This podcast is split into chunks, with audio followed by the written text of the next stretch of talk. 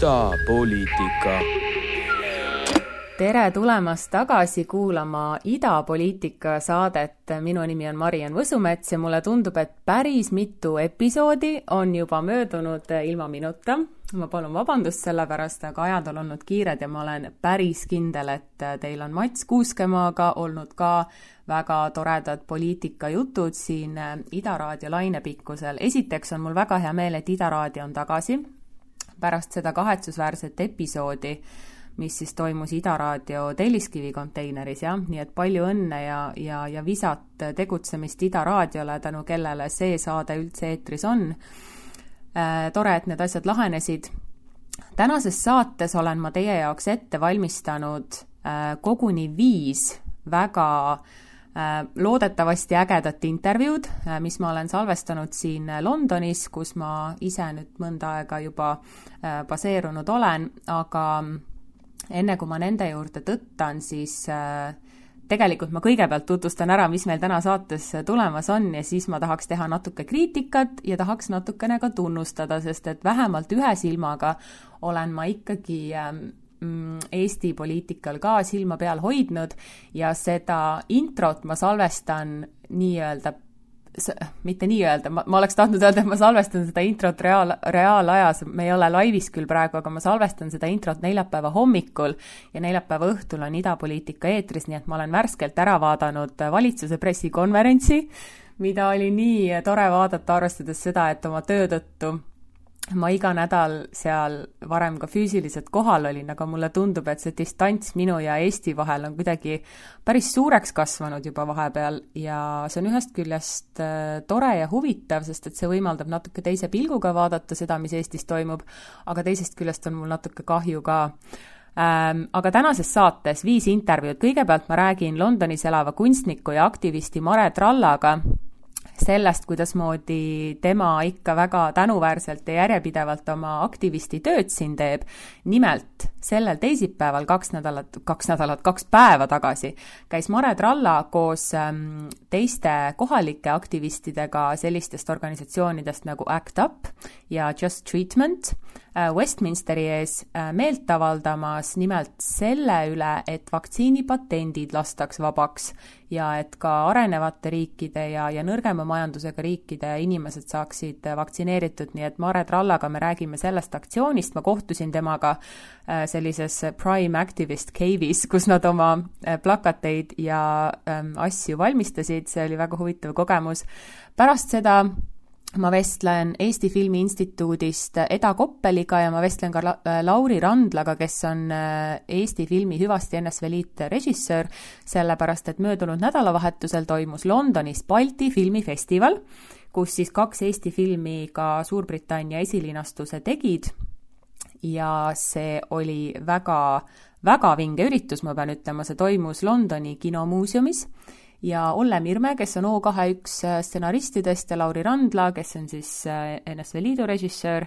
koos Eesti filmiinimeste ja Eesti saatkonna inimestega olid seal kohal, nii et see oli üks väga-väga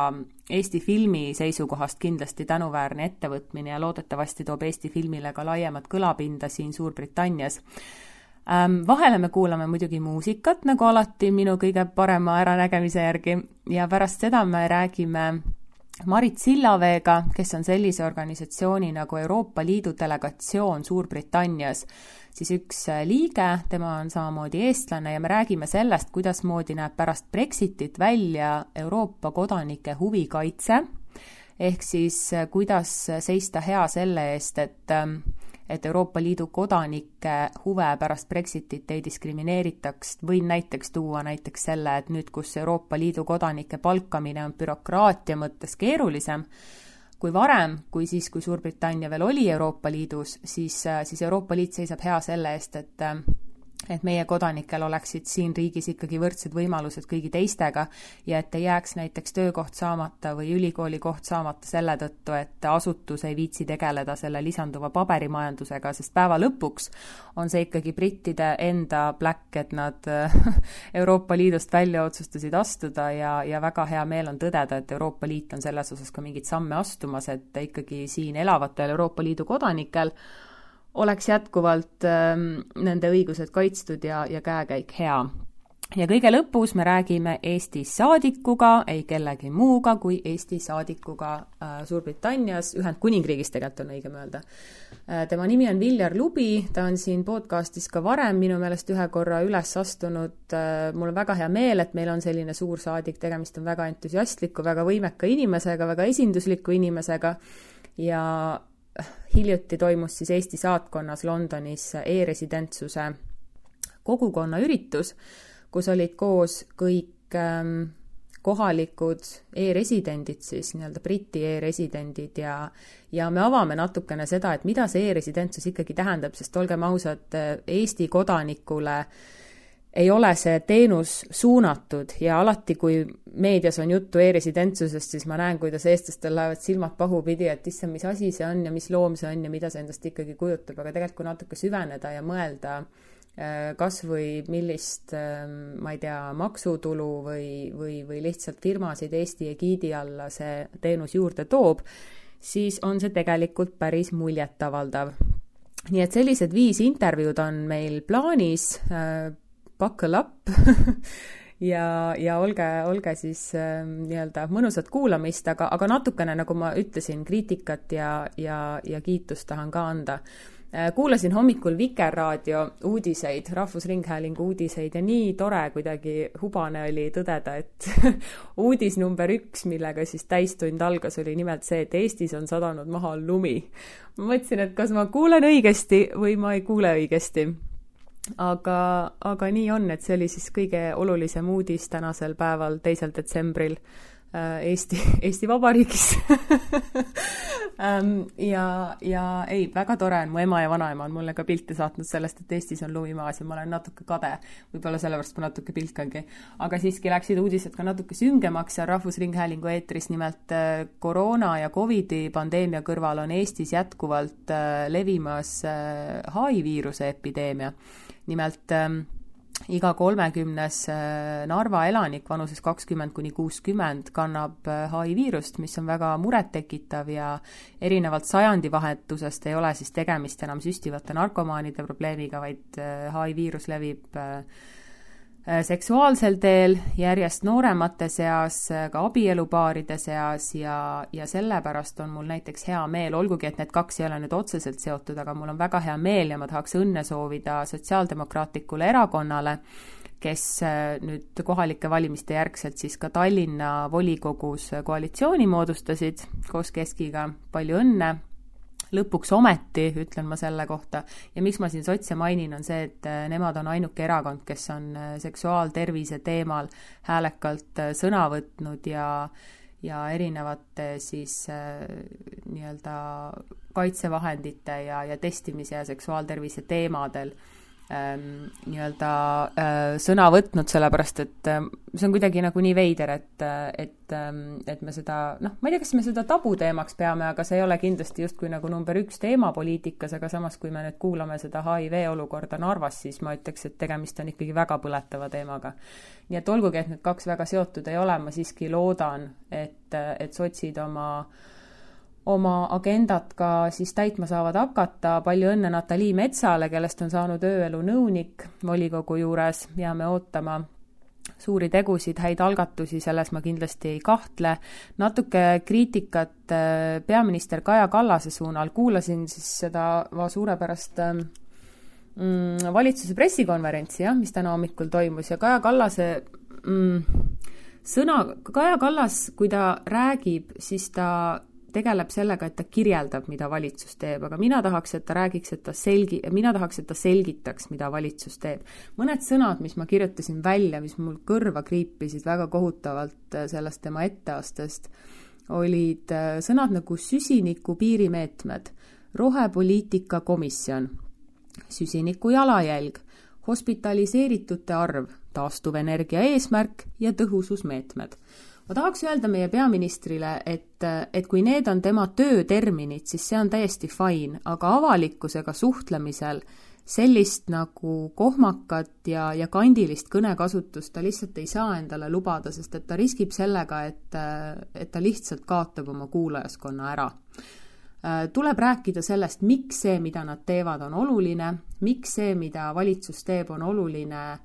inimesele inimkeeles, issand jumal. Nii, okei okay,, vabandust, see, mis praegu juhtus, oli, et üks orav lendas vastu mu akent, okei okay,, ma ei hakka seda välja lõikama, seda ikka Londonis vahepeal juhtub, et orav lendab vastu akent, päris tõsiselt, ma ei tee nalja. ja ja ta võiks natukene võtta äh, eeskuju Kersti Kaljulaidist, kes pärast seda, kui ta nüüd enam president ei ole äh,, tundub, et on nagu õide puhkenud äh, kuidagi ise, iseäranis hästi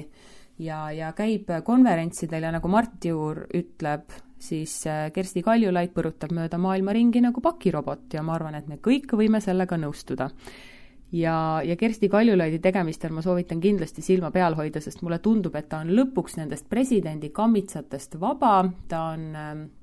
äh, koalitsiooni ja opositsiooni poliitikute sellisest otsesest kriitikast ka vaba. äh,, et selles mõttes ei saa teda enam kritiseerida kui, kui presidendi institutsiooni ja naine lihtsalt teeb, mida naine õigeks peab ja seda päeva me oleme ammu oodanud ja Kersti Kaljulaidile palju-palju jõudu selle kõige tegemisel, eelmisel nädalavahetusel oli ta ka äh, Londonis äh, siis äh, Aurora konverentsil, kui ma nüüd õigesti ütlesin, jah, Aurora Foorumil, vabandust, ja see on siis Põhja-Euroopa majandus- ja julgeoleku teemaline ekspertide kohtumine ja, ja huvitaval kombel oligi niimoodi, et ma vaatan, et see pilt, mis ta Facebooki on pannud, et siin on kõik eestlased, kes seal sellel kohtumisel kohal olid, on siin pildil peal, siin on Taavi Rõivas, siin on suursaadik, aga siin on ka Kaimar Karu. ja Kaimar Karuga juhtus selline huvitav asi, või Kaimar Karuga ei juhtunud midagi peale selle, et Kaimar Karu äh, istus ühel õhtul ühes pubis minu kodu kõrval Lääne-Londonis. Ja see oli päris huvitav, sest mina läksin sinna oma koolikaaslastega pärast kooli äh, siis äh, trinkile ja vaatan, et väga tuttava näoga mees istub, mõtlesin, see ei saa ometi olla, et see on meie endine IT-minister, endine EKRE IT-minister Kaimar Karu. ja nii oli, ma läksin Kaimar Karu juurde, tutvustasin ennast, ma olen temaga intervjuusid teinud paaril korral ja tuligi välja, et Kaimar Karu istus Lääne-Londonis kõige suvalisemas pubis ja jõi õlut ja nüüd hiljem ma vaatan Kersti Kaljulaidi Facebookist, et vot-vot, Kaimar Karul olid tähtsad tegemised siin Londonis, nii et äh, Eesti ulatub ikka väljaspoole Eesti piire ka päris kõvasti ja, ja seda on tore näha ja, ja, ja kogeda ka niimoodi päris vahetult. aga me hakkame saatega pihta, me hakkame pihta muusikaga, nagu ikka, me mängime siin saates muusikat, mulle meeldib, et ma räägin iseendast meie vormis äh,, aga aga, aga nii on, et äh, esimene lugu, mida me kuulame, on äh, enam kui kümme aastat vana, aga arvestades, ta, ta kõlab kuidagi väga tänapäevaselt, ma avastasin selle loo oma Spotify'st just hiljuti ja ma mõtlesin, et ma mängiks teile seda. Ja suur tänu ka kõigile, kes on Spotify's äh, Spotify's, Instagramis märkinud ära idapoliitikat, märkinud ära mind ja Matsi, juhul kui on juhtunud selline suurepärane asi, et idapoliitika on olnud teie Spotify aasta kõige kuulatum podcast väga meeliülendav, ma tänan kõiki, kes on meid kuulanud maikuust saati, me oleme vist neliteist või viisteist episoodi teinud ja me kavatseme jätkata selle saatega, nii et äh, olge meiega, me kuulame muusikat ja siis me lähme intervjuu juurde Mare Trallaga. Shake it like a to sun. Makes me feel like a madman find me. Never, never far gone. So get your level, level.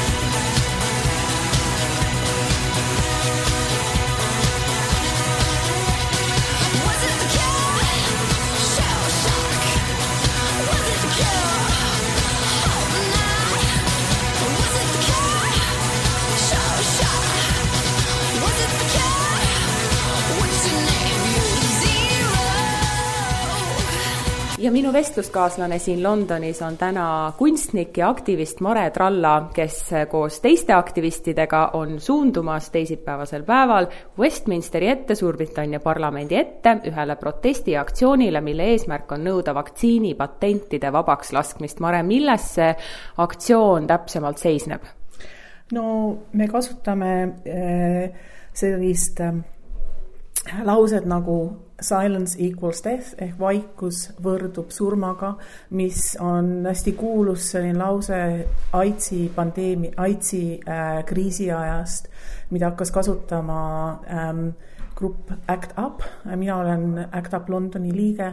ja äh, teeme nagu paralleeli sellega, et kui ähm, AIDSi algaastatel ei olnud ju mitte mingisuguseid ravimeid ja siis olid just põhimõtteliselt just aktivistid, kes tegelikult nõudsid ja surusid nii palju peale, et need ravimid äh,, need ravimid hakati äh, siis äh,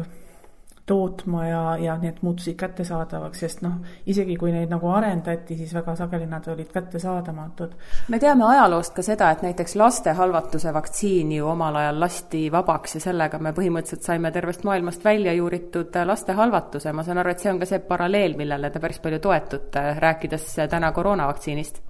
eh, jah, noh, need on kõik sellised näited ajaloost, mis on siis positiivsed näited, mis on aidanud nagu äh, inimrassil ellu jääda ja, ja noh, tegelikult ongi hästi kurb see, et farmafirmad hoiavad tegelikult kogu inimkonda nagu pantvangis ja mitte ainult nüüd koroonaga, vaid väga paljude teiste haigustega ka. et äh, on ju teada, et sellest koroonavaktsiinist on saanud ju juba kõik, kõige nii-öelda kasutoovam äh, toode nendele farmafirmadele, eks ole, ja noh, me arvestame seda, et on ikkagi selline kriis, nagu see koroonapandeemia praegult maailm, ülemaailmselt on, siis äh, see on nagu kuritegu, et nende farmafirmadel lastakse seda teha. ja riikidel on võimalik äh, nõuda äh, ja noh, võtta ka vastu otsuseid, et need surutaks, et mis surub neid farmafirmasid nende nii-ütelda siis selle tehnoloogia ja ka patente siis vabastamist just ja, ja tegelikult päris mitmed nendest firmadest alguses ju ütlesid ka, et noh, et niikaua kuni pandeemia kestab, nad annavad nagu need vaktsiinid eh, nagu tunduvalt odavamalt eh, maailmal kasutada, aga see ei ole nagu tõeseks saanud. ja Euroopa Ühendus ja Suurbritannia on nagu olnud just need, kes on seisnud nagu vastu sellele, et siis kogu maailm lepiks kokku, et et see vaktsiin saaks kättesaadavaks kõigile. Mare, milles see aktivismi võlu seisneb, et siin Londonis olen ma tegelikult intervjueerinud sind ju varemgi erinevate algatuste raames ja täna teil on ka täiesti suurepärane seltskond inimesi siin koos erinevatest äh, aktivistide rühmitustest, kui nii võib öelda, ja teil on selline väga tore äh, selline meeskonna või tiimi vibe siin, et, et, et kuidasmoodi need inimesed, kes näiteks täna siin neid plakateid ja postreid teevad, kuidas need inimesed kokku said?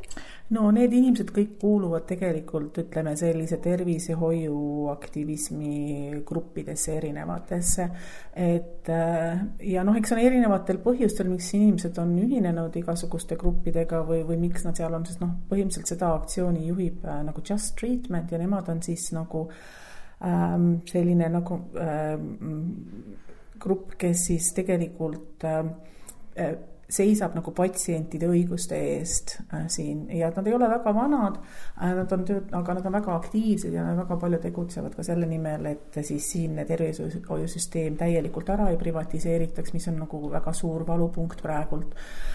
et, äh, et selles suhtes me oleme nagu kõik tegelikult seotud ja, ja mitte keegi meist ei ole nagu esimest korda nüüd nende vaktsiiniteemadega siin tegelemas ka. ja kahtlemata tõsi on see, et Suurbritannia praeguse valitsuse ajal ja koroonakriisi järgselt, aga ka selle ajal on näha väga palju märke sellest, et Suurbritannia riiklik tervishoid ühel hetkel ähm, tükk tüki haaval äh, erafirmade kätte võib hakata minema, et see on tõesti millest, miski, millest ka Briti meedia väga palju kirjutab, et selle selle Eesti paralleel oleks see, et meil ühel hetkel pole enam perearste inimestel ja siis tuleb omale panna erakliinikusse aeg, nii et see on kahtlemata Suurbritannia kontekstis väga suur probleem. Mare, ma küsin ka seda, kuidasmoodi aktivism ennast äh, elus hoiab, kuidasmoodi aktivismi finantseeritakse? No erinevalt, tähendab põhimõtteliselt aktivistid nagu mina ei saa selle eest palka, et me oleme aktivistid äh,. inimesed, kes töötavad nagu organisatsioonidele nagu see Just Treatment Now, noh, nemad saavad mingisugust palka. eks seda raha tuleb erinevatest kohtadest äh, toetustena, igasuguste sponsoritena, selles suhtes noh, väga palju erinevaid võimalusi, kuidas tehakse. noh, kui meie oleme näiteks mingeid oma asju teinud, siis me oleme ka lihtsalt teinud nii-ütelda fundraiser eid, et äh, ja noh, põhimõtteliselt ikkagi nagu toetustest tulnud raha, et mm, -hmm. et iseenesest nüüd riik ei anna sellistele organisatsioonidele nagu meie raha, et me saaksime neid riiki õõnestada. aga samas näiteks, kui me tegime Catwalk for Power, siis me saime tegelikult küll, saime Public Health Englandis saime raha sellepärast, et need tegevused, mida me tegime, aitas nagu inimestel olla nagu oma ravi, äh, noh, jälgida oma ravi ja nii edasi, et selles suhtes, et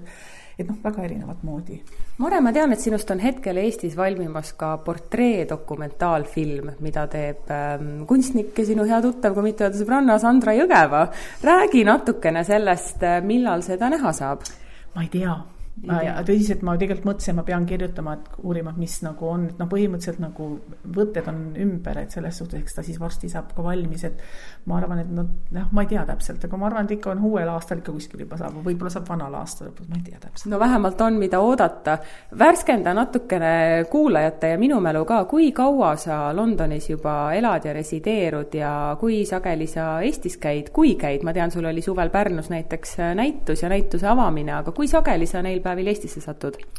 no praegult tänu koroonale nagu väga ei satu, enne koroonat nagu viimastel aastatel ma käisin päris sageli seal erinevaid asju tegemas. et selles suhtes, et ma olen nagu ära olnud pikalt juba üheksakümne kuuendast aastast, aga mul on olnud perioodid, kus ma olen hästi palju Eestis olnud, et kui ma näiteks E-meedia keskust juhendasin seal kahe tuhandete alguses, siis ma olin ju ikkagi peaaegu poole aja Eestist et selles suhtes on nagu noh, vahel niisuguseid aktiivsemaid perioode ja vahel vähem aktiivsemaid, et kõik sõltub sellest missugused seosed mul parasjagu, ütleme enam-vähem, noh, mul on muidugi pere Eestis, aga, aga väga sageli on see ikkagi nagu professionaalse tegevusega seotud. lõpetuseks ma küsin veel, et see aktsioon, mis äh, täna siis Westminsteri ees toimub, äh, sellega käivad kaasas ka muud tegevused, see ei ole ainult üks kord äh, parlamendi ette minek, et mis need lisategevused on, kuidasmoodi see, kuidasmoodi see teie eesmärgi saavutamine nii-öelda, kuidas te sellele teed sillutate? No hästi palju on ikkagi sellist äh, nagu kirjade saatmist äh, parlamendiliikmetele,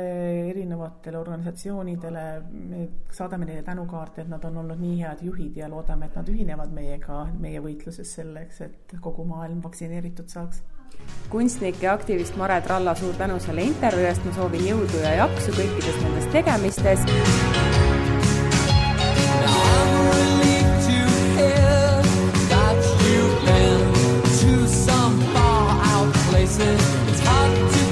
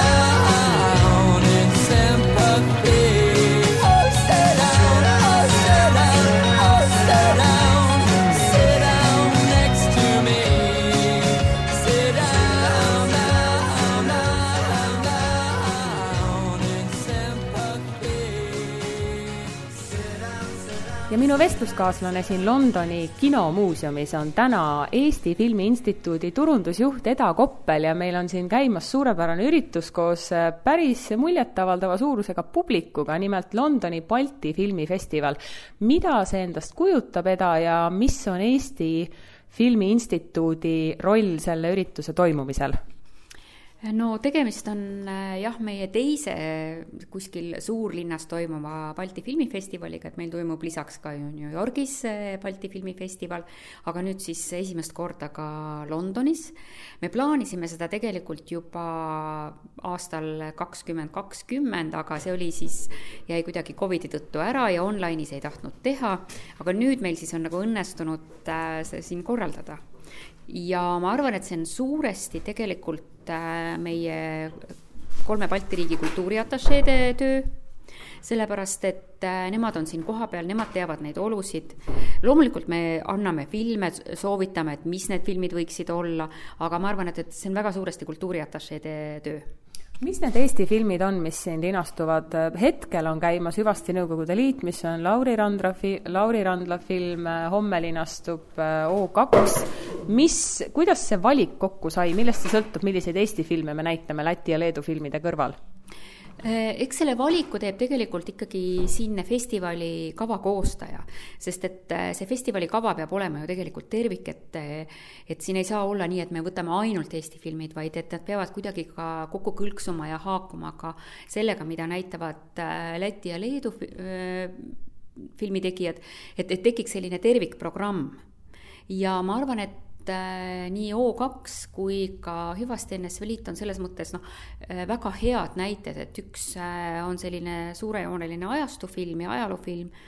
teine on äh, tegelikult ka ajaloofilm, aga võib-olla natukene humoristlikum, meie lähiminevik, noh, tuhande üheksasaja kaheksakümnendad, üheksakümnendad, et, et ma arvan, et see on päris hea valik.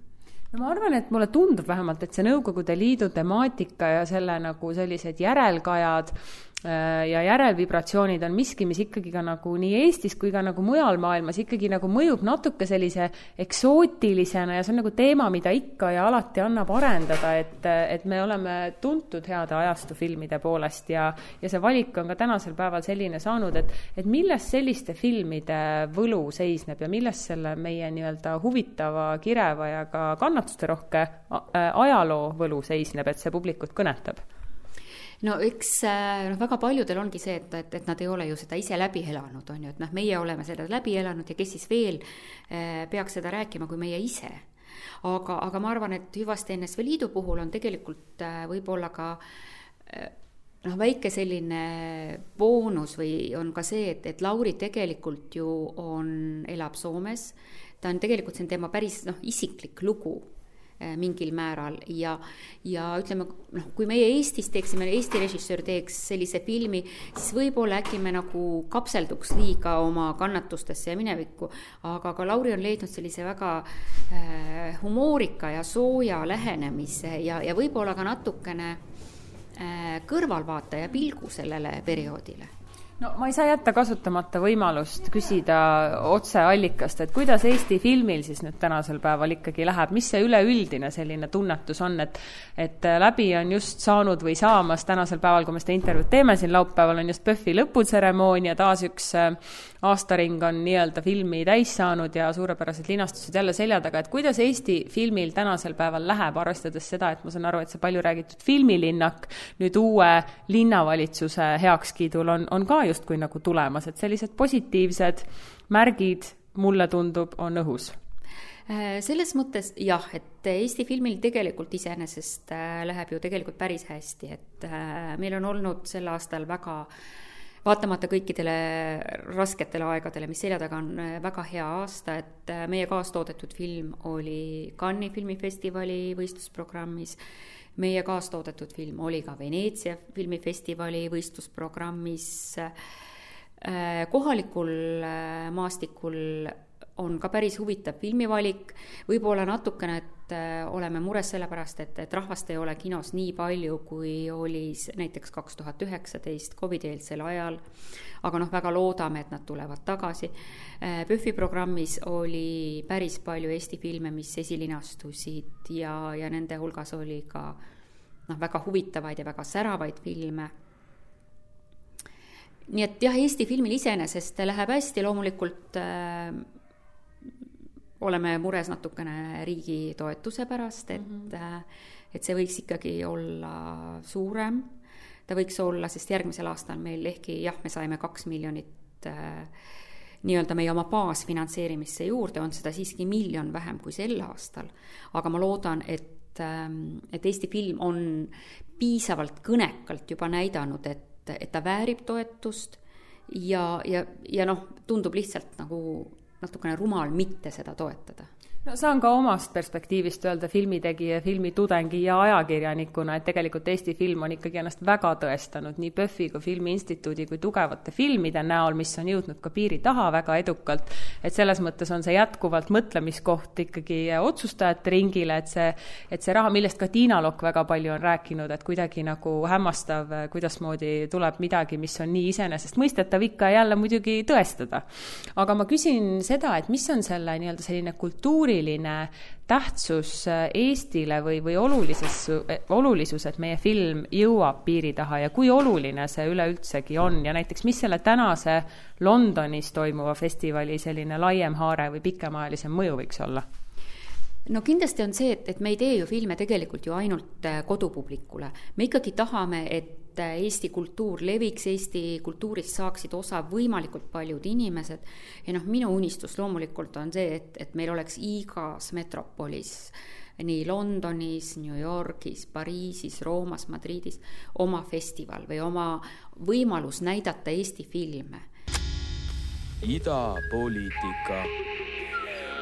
ja minu vestluskaaslane siin Londonis täna on filmirežissöör Lauri Randla, kelle sulest mullu PÖFFil esilinastus Hüvasti Nõukogude Liit ja täna siin Londoni kinomuuseumis on selle filmi Suurbritannia esilinastus. tere, Lauri Randla, kes on värskelt tulnud lava pealt ja teinud sissejuhatuse sellele filmile. kuidas filmi sisse juhatasime? no ma, tere, tere esiteks, siis noh, juhatasime sisse nii, et äh, pärast filmi hakkab minu intrigeerimine, vaatame, mis juhtub Mhm. no millest film räägib, ma tean, et see on inspireeritud sinu lapsepõlvest Tartust, Annelinnast, aga mitte ainult, kuidas see film sündis? Äh, ma proovisin astuda filmikooli kahe tuhande kaheksandal aastal ja seal oli üks niisugune ülesanne, pidi kirjutama autobiograafia, kus oli viis või kuus ehtsat juhtumit enda elust ja selle ümber pidi ehitama siis fiktiivse story ma valisin niisuguse nagu, et sündisin äh, liiga vara, äh, pidin kolima suletud linna, laenasin sinna ingeri keele ja esiarmastuse ja siis selle, et ema läks Soome, et need olid nagu need põhiasjad, mille ümber see pöörleb mm. -hmm. No suur osa sellest filmist on filmitud Tallinnas Balti jaamas või vähemalt mingisugune osa sellest, et kas see on nagu selline traditsioon natukene, et me seostame mingeid teatud kohti, mingeid lokatsioone mingisuguse ajajärguga või millist rolli see Balti jaam mängib selles filmis? no see Balti jaam on ainult äh, lõpus ja keskel, ta mängib äh, Sadamat äh, üheksakümne esimesel aastal ja muide me filmisime nagu põhimõtteliselt suuremalt jaolt Raplas, Rapla KEK-is, me saime sinna nagu lavastatud ikka vist umbes seitsekümmend protsenti filmist. ja Kohtla-Järvel teised kakskümmend protsenti ja lõpud äh, siis Sillamäe, see Balti jaam vist oligi ja jah, Balti jaam praktiliselt oligi ainuke, mis oli Tallinnas tegelikult mm. -hmm no see film räägib Nõukogude Liidu lagunemisest ja inimeste eludest selle järgi, ma tean, seal on üks naisterahvas, kes läheb siis äh, läände tööle, eks ole, et palju sellised nii-öelda ega stereotüübid ju tühjast kohast ei tule, et need on inimeste päris elud olnud, et kes need tegelased on ja milliseid lugusid see film räägib võib-olla inimestele, kes ei ole seda filmi veel näinud? no see lugu räägib sellest, kuidas äh, ingerlane, ingerlane ema saab teada seda, et Mauno Koivisto kutsub soomlasi tagasi Soome ja Ingeri soomlasi ja ta võtab selle võimaluse ja läheb läände tööle, aga ta peab jätma enda lapse siis äh, Nõukogude Liitu selleks ajaks ja siis ta hakkab tooma sealt lääne kraami, mis paneb nagu selle väikse Nõukogude elu natuke segamini seal ja et selles mõttes nagu ma olen laenanud selle ka nagu ehtsast elust, et äh, mul ema tõi äh, videomaki ja satelliidantenni ja siis ma hakkasin näitama enda sõpradele filmi, ma võtsin igalt ühelt rubla sellest, aga kahjuks siis rubla kurss nagu läks väga alla, et sellest ei olnud mingit kasu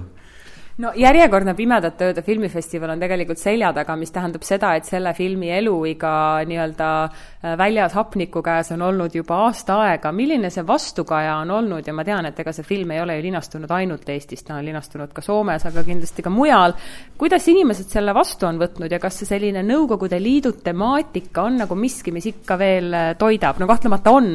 aga, aga, aga mis selle võlu või, või mis selle nagu Nõukogude Liidu sellise eksootilisuse nagu fetiš fetiš on, et miks inimesed ikka ja jälle tahavad neid lugusid kuulda?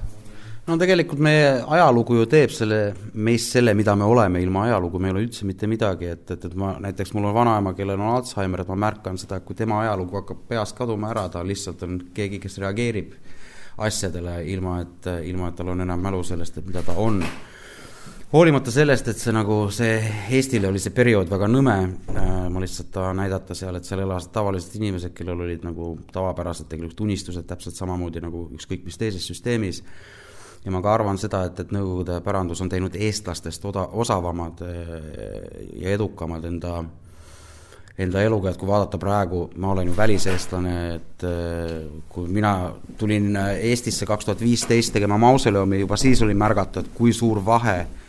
on selle, selle maaga selle võrreldes, kui ma läksin ära, äh, et, et noh, et väga suur vahe ja väga edukas olnud mm. -hmm. no Lauri Randsa, teie oma filmihariduse olete omandanud ju ka samamoodi Soomes, et kui suur on see nii-öelda filmi tegemise erinevus alates rahastusest, alates mentaliteedist, võimalustest, meeskonnast, kõigest, et on see ikkagi veel öö ja päev või kuidasmoodi Eesti filmil, Eesti filmil tänasel päeval läheb? No ma arvan, et Eesti filmides on väga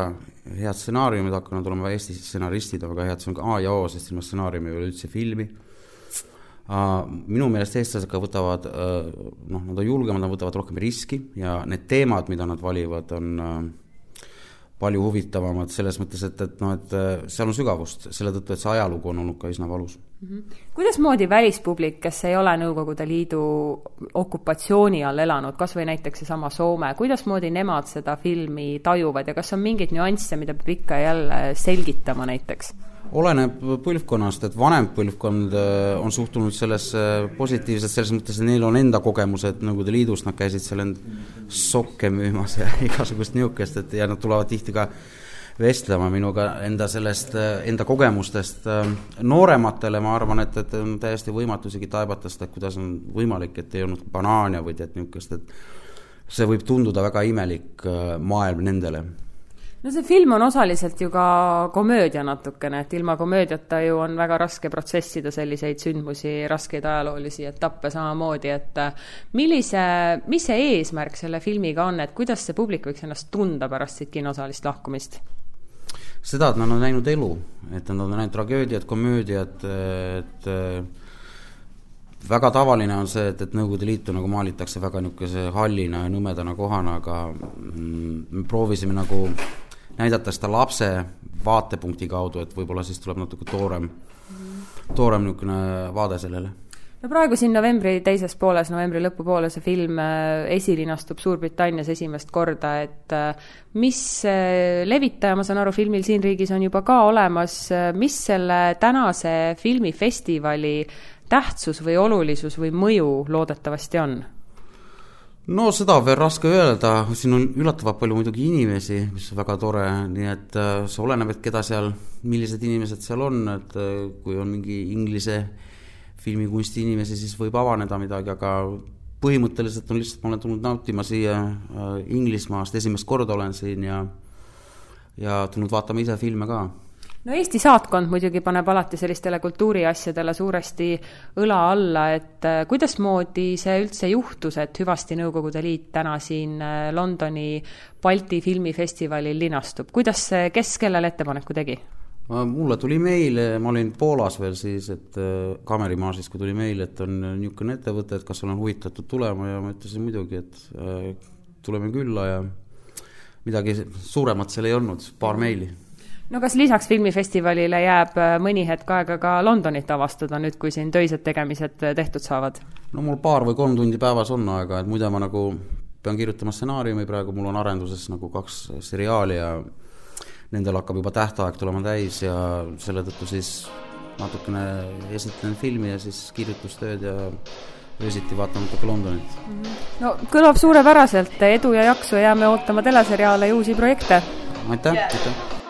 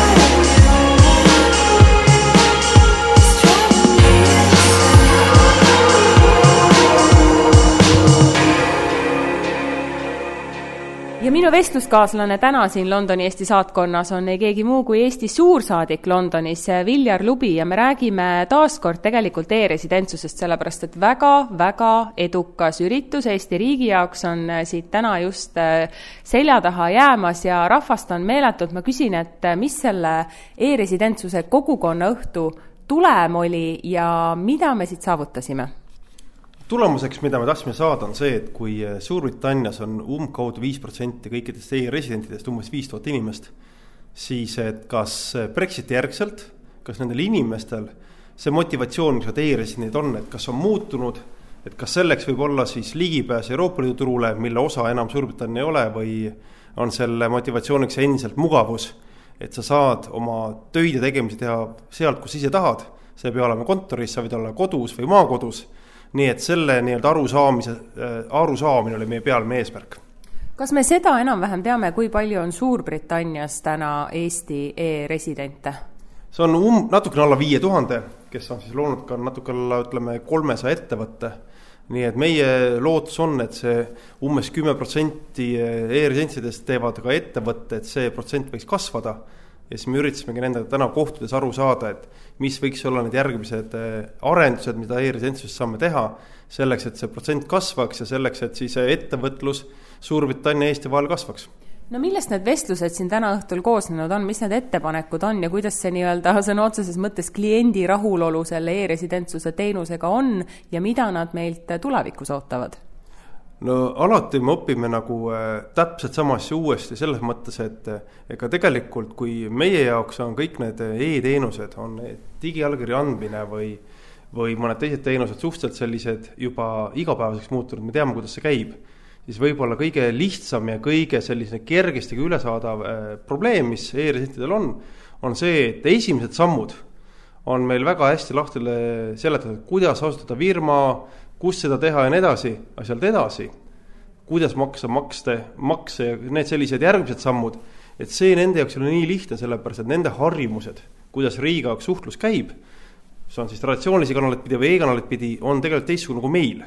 nii et me peame kindlasti rohkem tähelepanu pöörama sellele, et kas on õppevideod või seletused kõrval või tehtud veel lihtsamad sammud, et kui sa oma ettevõtte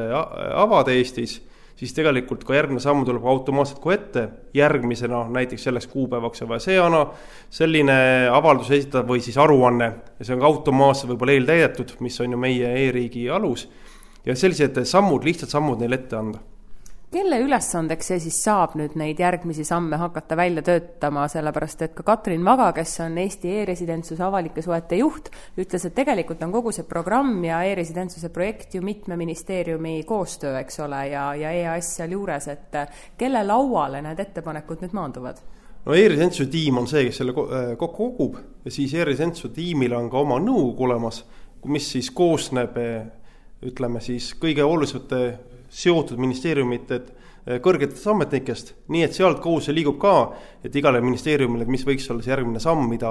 üks või teine ministeerium peaks Eestis ära tegema, selleks, et e-residentide elu läheks paremaks. Kas meil on ka mingi ühine nimetaja nendele ettevõtetele ja ettevõtjatele, kes on täna e-residendid, kas me näeme mingisugust ähm, valdkonda, mille seas e-residentsus on rohkem populaarne kui, kui teised, et mõistagi neid kliente on nii-öelda seinast seina, aga keda see kõige rohkem kõnetab? Äh, kõige rohkem äh, suurusjärgi on väikeettevõtjad, et väga palju, kui sellised üksiküritajad, kes kasvavad suuremaks ja juba e-residentsus tiimil endal ka nad ei, ütlevad, et nad ei saa veel avalikustada,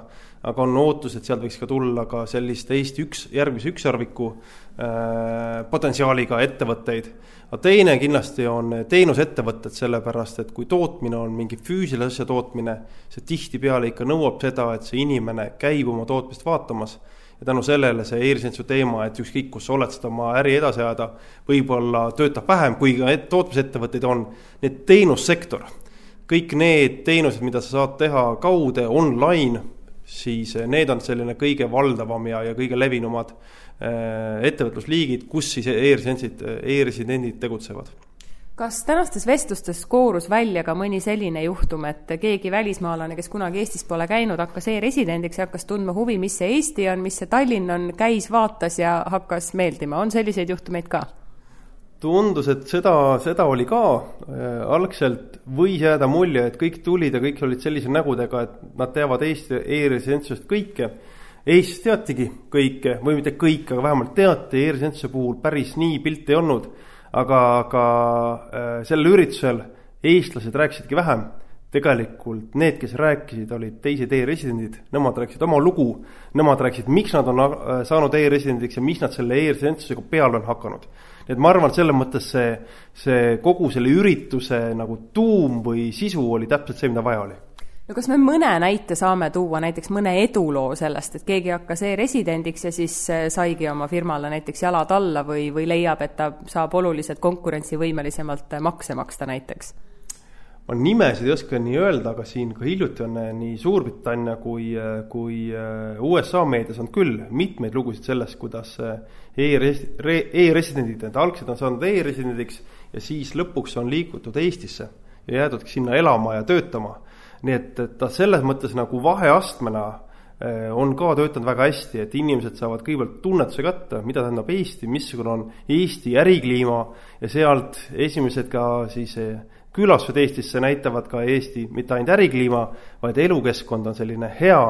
ja, ja väga soosiv, nii et me oleme tänu sellele saanud väga palju toredaid Eesti sõpru juurde, kes siis kas püsivalt või, või aeg-ajalt ka Eestis paiknevad kui olulised sellised silmast silma kohtumised on ja kui raske neid inimesi siia kohale on saada, sest Londonis on elutempo on tihe, vahemaad on pikad, need inimesed on kindlasti hõivatud saja muu asjaga, aga siin on ikkagi, täna on ikka nagu maja täis inimesi ja siin on, kell hakkab juba varsti üheksa saama, aga elu ikkagi veel Eesti saatkonnas käib, et see on tõesti muljetavaldav üritus. kui, kui keeruline on see majarahvast täis saada? täna tundus, et ei olnud keeruline, et vast, vastab tõele, et täna siin natukene kõrval juttu ajades isegi kuuleb midagi, et vahepeal müra suurem kui ühes Londoni pubis. nii et tundub, et huvi e-residentsuse vastu on suur ja, ja maja täissaamine, pigem ütleks, et me pidime inimesi tagasi hoidma no suurepärane töö ja seda kõike on rõõm kuulda ja ma soovin palju edu järgmisteks ettevõtmisteks, rohkem Eestile e-residente, rohkem selliseid äh, edukaid üritusi. minu vestluskaaslane oli Viljar Lubi, Eesti suursaadik Suurbritannias, mina olen Mariann Võsumets Londonist ja selline sai seekordne idapoliitika episood. mul on väga hea meel, et te meiega olete, et te kuulasite lõpuni välja. ma tahaks tagantjärele veel teha suure hõike PÖFFile, sest Eesti filmist me rääkisime selle saate keskel väga palju. ja palju õnne Pimedat Ööde filmifestivalile suurepärase kahekümne viienda äh, siis tähtpäeva puhul, novembri lõpus see, see festival taas kord väga edukalt äh, lõpule jõudis ja, ja ma loodan, et Eesti filmil äh, hakkavad ees paistma paremad ajad, arvestades seda, et filmilinnak Tallinnasse peaks kerkima, ma saan aru, et äh, siis linnavalitsuse otsusega see kolm miljonit selle jaoks ikkagi varsti eraldatakse. Ja ma loodan, et Eesti Filmi Instituut äh, ja, ja ka vastloodud California siis filmifond, mis on erakapitalil põhinev fond, mille ees on Rain Rannu ja, ja teised äh, siis startup'i investorid, et, et, et selliste nähtuste koostoimel hakkab Eesti filmil minema paremini veel, kui seni on läinud ja ma loodan, et Eesti filmi definitsioon äh, laieneb siis kaugemale kui kui ainult filmid, mis tegelevad meie lähiajalooga või, või filmid, mis tegelevad siis ainult sellise Eesti pärimuskultuuriga, et et mina filmitegijana, filmitudengina kindlasti selle poolt olen, et Eesti film näeks tulevikus ka kaasproduktsioone, kus siis löövad kaasa äh, paljud erinevad riigid ja et Eesti, Eesti produktsioonifirma võiks olla näiteks eestvedaja mingisugusel sellisel filmil, mille temaatika on seotud kas hoopis mingi teise riigiga või hoopis mingisuguse universaalse inimliku globaalse nähtusega, mis ei ole rangelt siis Eesti äh, Eesti publikule piiratud, et sedasi on meie filmišansid maailmas kindlasti veel palju tugevamad ja ma usun, et Eestis neid filmitegijaid ja seda kompetentsi kindlasti leidub. et, ähm, et ka selliseid filme teha, mis ura-, mis ulatuvad oma teemade poolest siis äh, Eesti riigist väljapoole ja käsitlevad üldinimlikke teemasid ähm,, nagu näiteks, ja ma nüüd teen siin häbitult reklaami ja absoluutselt ähm, absoluutselt hea meelega teen seda äh,, nagu näiteks minu film Kehavõitlus, millest me oleme ka siin varem rääkinud, mida on võimalik ähm, vaadata hetkel siis äh, Telia tv-s, võimalik vaadata Elisa Huubis ja netikinos, et äh, kes veel näinud ei ole, soovitan soojalt, visake pilk peale, suvel oli see film kinodes ja, ja vahel on jah, ikka neid küsimusi, et kust saab vaadata, kust saab vaadata ja nüüd siis lõpuks alates oktoobrist Telia TV-s ja Elisas saab vaadata filmi nimega Kehavõitlus, mis räägib siis kehakuvandist ja ja toitumisega seotud teemadest ja tegemist on dokumentaalfilmiga aga nii palju siis filmiteemadest siia saate lõppu. me kohtume teiega taas juba kahe nädala pärast, kus loodetavasti me oleme taas tagasi vana hea duoga mina ja Mats Kuuskemaa, sest et me tõesti avastasime, et me koos ei ole ühtegi saadet vist nüüd juba kolm episoodi teinud, et me selle vea kindlasti parandame ja kahe nädala pärast oleme taas teie juures eetris, nii et äh, kuulame varsti ja olge mõnusad!